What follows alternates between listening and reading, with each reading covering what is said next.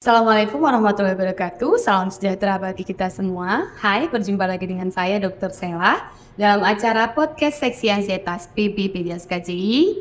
Dan pada kesempatan kali ini kita sudah kedatangan tamu Dr. Muhammad Hasbi, Magister Kedokteran Spesialis Kedokteran Jiwa. Gimana dokter kabarnya hari ini? Alhamdulillah baik. Gimana kabar dokter sehat? Alhamdulillah baik juga dokter. Jadi dokternya terima kasih banyak ya sudah mampir ke podcast Seksi Ansietas.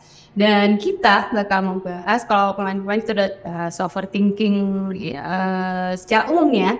Ini kali ini saya ngundang dokter uh, Hasbi ini mau ngomong masalah anak Anda overthinking, kenali tanda dan gejalanya.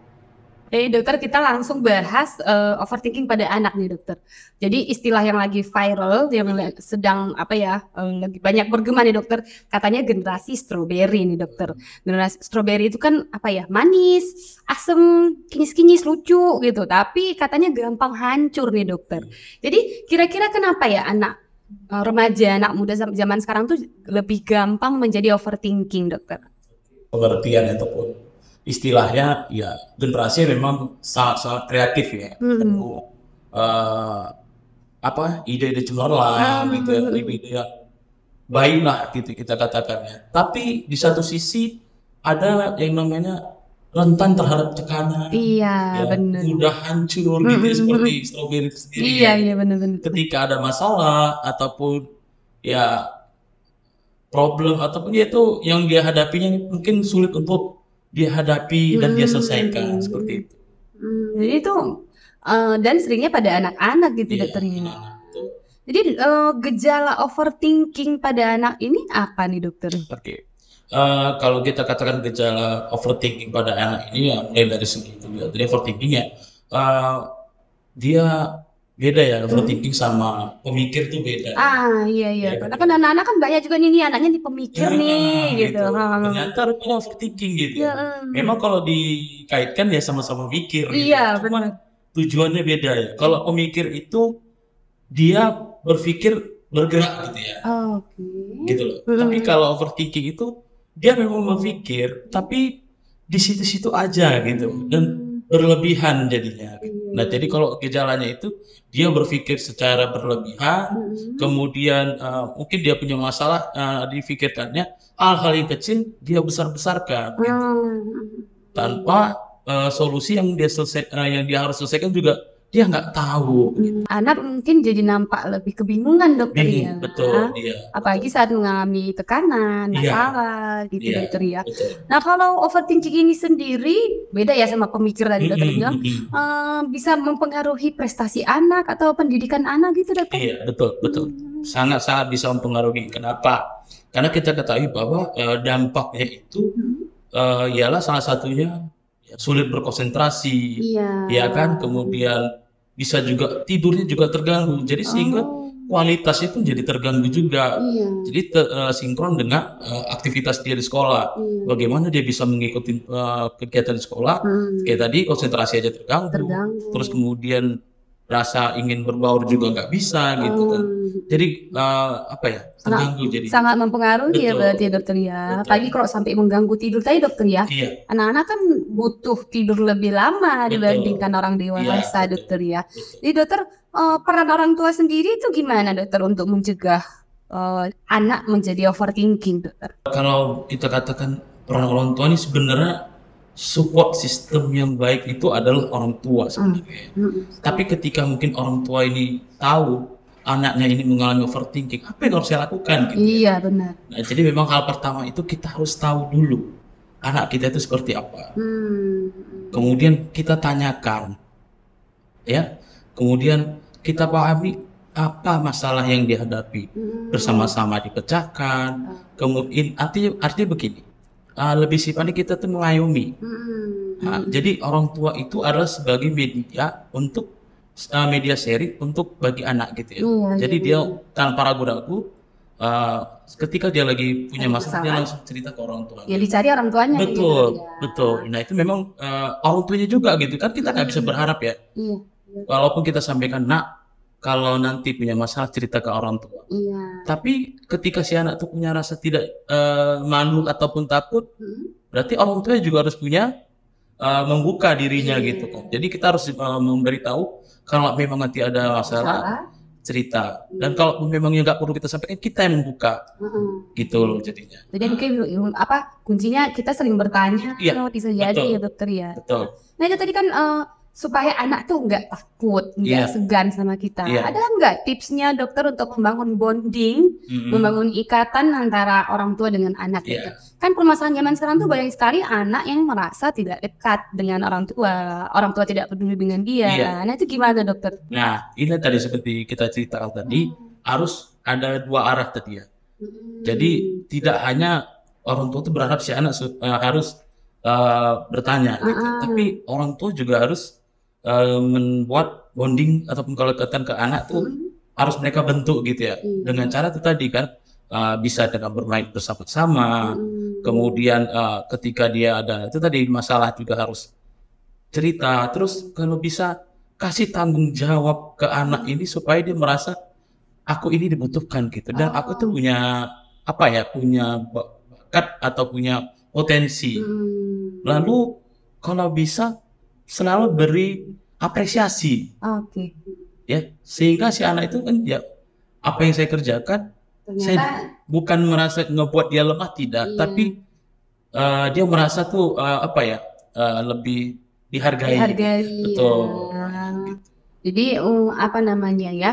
Uh, komunikasi dua arah Betul. itu yang pertama. Betul. Uh, kemudian memang uh, jangan anggap anak itu mungkin iya orang kecil aja, yeah. manusia yang belum tahu apa-apa yeah. gitu dokter. Betul. Karena emang orang dokter bilang tadi bahwa orang tua itu adalah support system utama ya, gitu ya. Baik. Paling utama gitu hmm. dokter. Jadi uh, kembali lagi nih mungkin kepada anak-anak yang lebih muda usianya nih dokter. Ya. Seberapa penting menumbuhkan nih rasa takut atau rasa awareness atau rasa apa ya? Uh, uh, sampai batasan mana nih kita wajib ajarkan? Oh ini berbahaya. Oh ini itu gimana dok? Oke. Okay. Jadi kalau kita kata seperti awareness atau rasa takut itu hmm. kita lihat dari uh, hal terkecil ya. Hmm. Kadang ada anak-anak di bawah gitu dia nggak mau ikut hmm. atau tuh sana main tuh uh-uh. dia takut gitu ya. Iya iya. Nah iya. gitu ya. Hmm. Jadi kita sebagai orang tua gimana seharusnya atau nggak usah gitu. Ada acara di rumah dia nggak hmm. mau keluar rumah. Gitu. Iya nggak mau gabung gitu. Betul. Nah orang tua nggak boleh marah, tapi orang tua harus uh, tunjukkan. Hmm ke anak bagaimana cara bersosialisasi, bagaimana cara berkomunikasi, gitu ya, cara bicara ke orang gitu kan. Jadi sehingga si anak tuh perlahan-lahan mengerti dan harus diikut sertakan. Nah, contoh tadi kita bilang si anak kita bawa ke luar rumah dia takut. Hmm. Jadi gimana seharusnya? Iya. Kita harus kenalkan bagaimana cara mengenalkannya ke sosial. Hmm. Kita ikutkan les contoh. Oh ikutkan les, dia kan berbaur dengan teman-temannya, kemudian dia bisa bicara, dan dia bangun juga perlahan secara karakter dirinya gitu, dan dia bisa bermain secara luas sama teman-teman sebayanya. Nah begitu.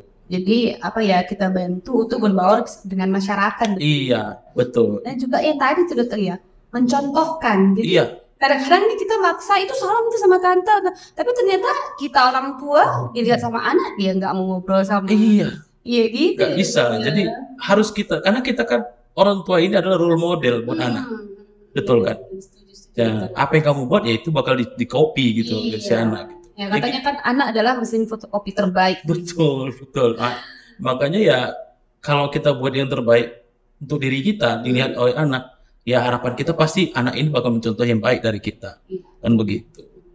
Dan jangan lupa dampingi ya dokter. Betul harus didampingi. Setiap perkembangan anak. Betul ya, betul betul ini dokter di luar konteks dari sedikit nih tentang sosial media. Karena hmm. kan apa ya anak remaja zaman sekarang itu mungkin karena uh, perkembangan teknologi nih dokter. Iya, betul. Banyaknya media sosial, aduh nggak tahu sih iya. nggak tahu bilang kalau dihitung jari itu sekarang udah lebih nih dokter. Sebenarnya hmm, apakah bijak kalau kita itu membatasi med, uh, anak untuk bermedia sosial? Uh, sebenarnya kalau kita cerita membatasi itu memang harus ya sebenarnya. Mm -hmm. Kemudian karena kita ketahui bahwa si anak ini tugasnya kan yang pertama itu adalah belajar sebenarnya kan. Hmm. Tapi karena seiring perjalanan wow. dan perkembangan teknologi ini uh, metode pembelajaran juga bisa di iya. uh, dicari di dalam media. Ya pokoknya uh, dengan media sosial juga iya. sekarang sudah sudah berkembang pesat. Dan itu memang harus kita tetap mendampinginya.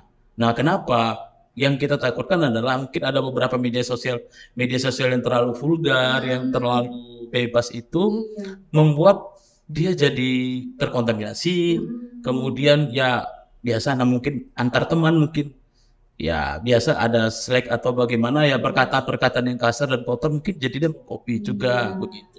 Memang harus diawasi. Iya. Penting ini ya berarti kembali lagi ke mendampingi. Iya, betul. Karena kayaknya apa ya?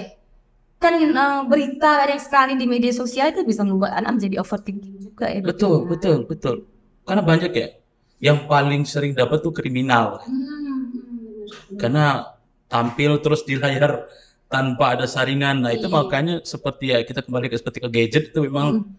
ketika tidak begitu penting untuk dia, ya kita berikan jatah lah. Artinya kamu bisa pakai mungkin yeah. di iya. hari weekend okay. atau mungkin hari biasa hanya setengah jam atau satu jam cukup gitu ya hmm. untuk yang merefreshing dia gitu kan itu boleh tapi itu tetap diawasi makanya semua itu kembali ke orang tua mungkin orang tua perlu ada me time khusus gitu ya dengan anak gitu harus ya, harus karena ada ininya ya uh, apa ya, jadi sistemnya itu adalah 1821 ya. Oh, 1821 itu artinya pukul 6 hmm. sore sampai pukul 9, 9 di malam.